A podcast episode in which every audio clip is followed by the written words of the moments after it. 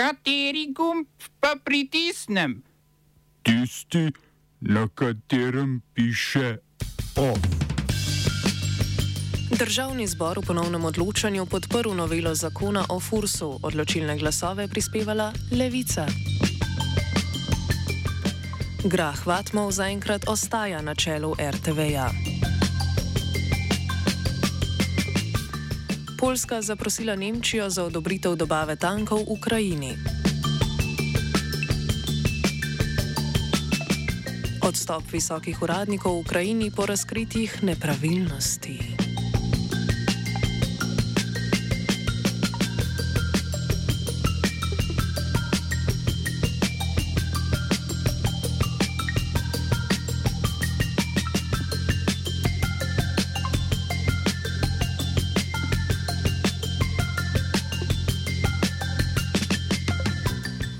Poljska je Nemčijo zaprosila za privolitev v dobavo tankov v Ukrajino.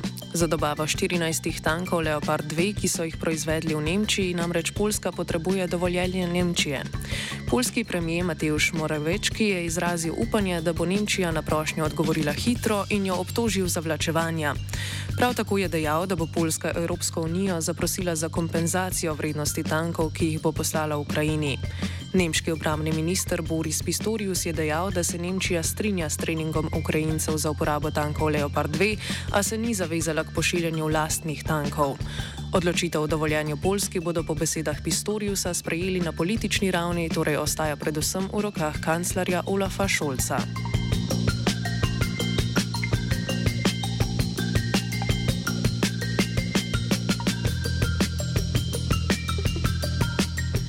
V Ukrajini je po razkritih nepravilnosti in korupcije odstopilo več visokih državnih uradnikov. Med njimi so namestnik ministra za obrambo Vjačeslav Šapalov, namestnik vodje kabineta Kirilo Timošenko in namestnik generalnega toživca Oleksi Simonenko.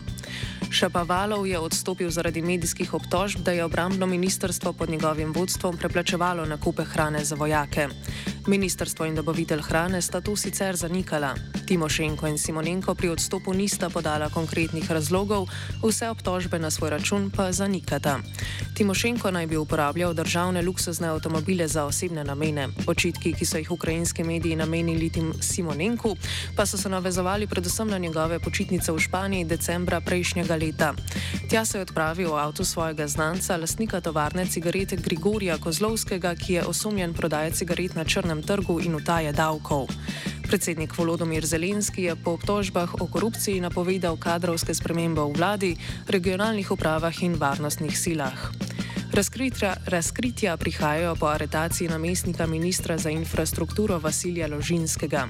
Nacionalni protikorupcijski urad je objavil podrobnosti o preiskavi Ložinskega, ki je za sprovedbo nabave električnih generatorjev prejel provizijo v višini skoraj 370 tisoč evrov. Lanska državna nabava električnih generatorjev je bila po trditvah preiskovalcev urada napihnjena za 7 milijonov evrov.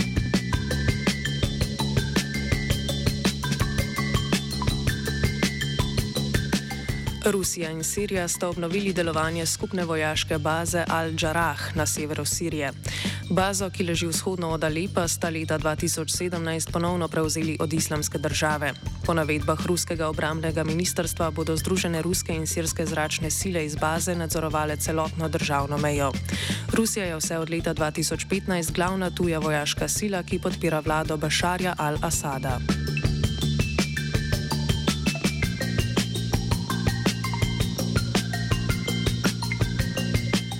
Francija je repatriirala 47 francoskih državljanov iz Sirije, kjer so se ti v preteklosti pridružili borcem islamske države.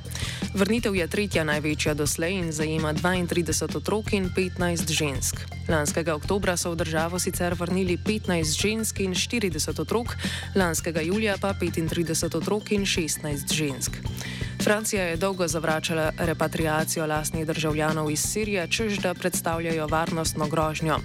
Posledično so francoskim državljanom večinoma sodili v Iraku.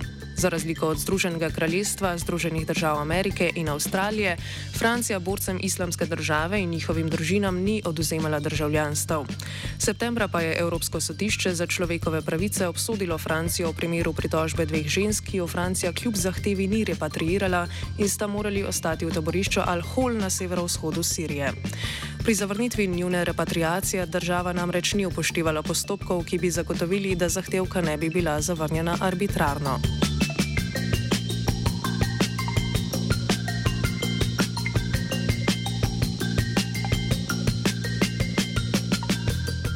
Sodnik Tarek Bitar, ki preizkuje bejrutsko eksplozijo iz leta 2020, je nekdanjega premijeja Hasana Diaba, generalnega doživca Gasana Kvidata in dva ministra obtožil umorov z verjetnim naklepom v zvezi z eksplozijo.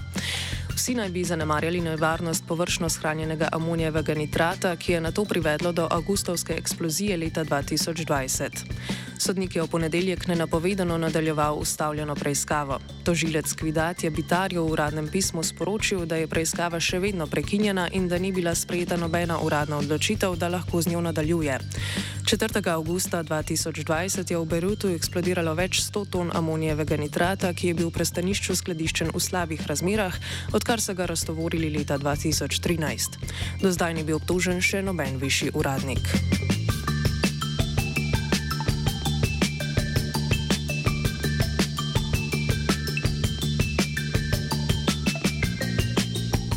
Vlada v Kuwaitu je odstopila komaj tri mesece po prihodu na oblast. Predsednik vlade Ahmad Nawah al-Sabah je odstop vlade prestolonaslednikov kuvajtske monarhije Mešalu al-Ahmadu al-Sabahu pojasnil kot posledico odnosov med izvršno in zakonodajno oblastjo.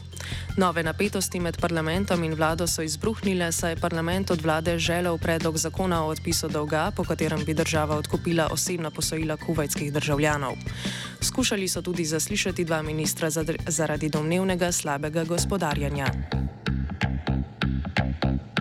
Smo se osamosvojili, nismo se pa osvobodili. Naslednje število je še 500 projektov. Izpiljene modele, kako so se strani nekdanje LDS rotirali. Ko to dvoje zmešamo v pravilno zmes, dobimo zgodbo o uspehu. Takemu političnemu razvoju se reče udar. Jaz to vem, da je nezakonito, ampak kaj nam pa ostane? Brutalni obračun s politično korupcijo.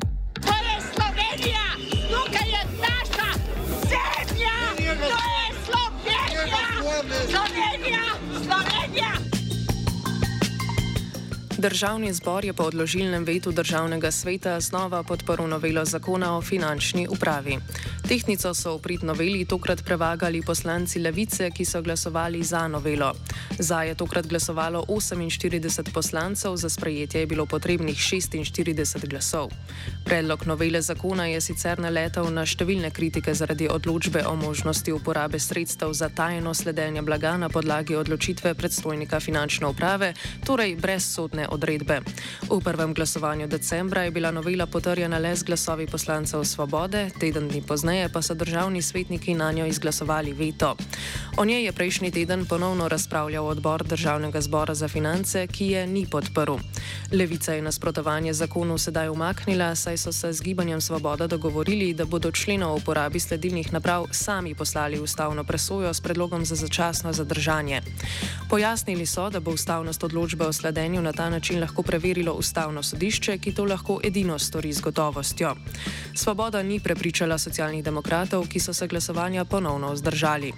O stališču levice je na seji državnega zbora več povedal poslanec levice Milan Jakopovič. V levici razumemo in delimo pomisleke, da je pri uveljavitvi in uporabi prikritih sredstev sledenja nujno opraviti test sorazmernosti takšnega posega v človekove pravice, ter da morajo biti davčni postopki učinkoviti, vendar njihova učinkovitost nikakor ne sme iti na škodo ostalih pravic in svoboščin, predvsem pa primerljivosti med uredbami. Kot smo lahko slišali tudi v desedanjih razpravah v tem državnem zboru, naj bi uveljavljen. Naj bi uveljavljeni ustavni standard v Republiki Sloveniji za vsakršno uporabo prikritih preiskovalnih ukrepov zahteval odredbo sodnika. V levici pa se zavedamo tudi svojega položaja kot konstruktivnega koalicijskega partnerja. Zato smo z Ministrstvom za finance in s koalicijskimi partnerji večkrat in do zadnjega iskali rešitve, ki bi v največji meri naslovile na te pomisleke.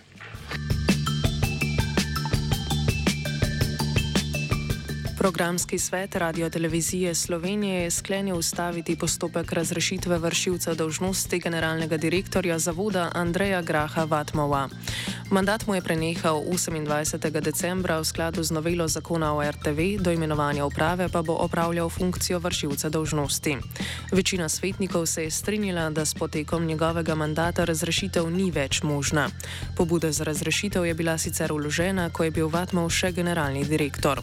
Mnenje sveta delavcev je na seji predstavila predsednica sveta Ilinka Todorovski. Svet delavcev namreč meni, da bi bilo treba za čas do uveljavitve novele zakona imenovati drugega vršilca dolžnosti, ker bi bilo to v korist javnemu zavodu. Svet delavcev ugotavlja, da generalni direktor in zdaj VD generalnega direktorja Andrej Grag Vatmov od ustanovne seje tega organa soupravljanja 6. oktobra lani onemogoča in zavira izvajanje delovske participacije v zavodu, kar povzroča škodo notranjim odnosom, učinkovitemu programskemu in produkcijskemu delovanju, transparentnemu odločanju in poslovanju ter posledično ugledu RTV. OF je pripravil vajenec Filip, mentoriral je Pero.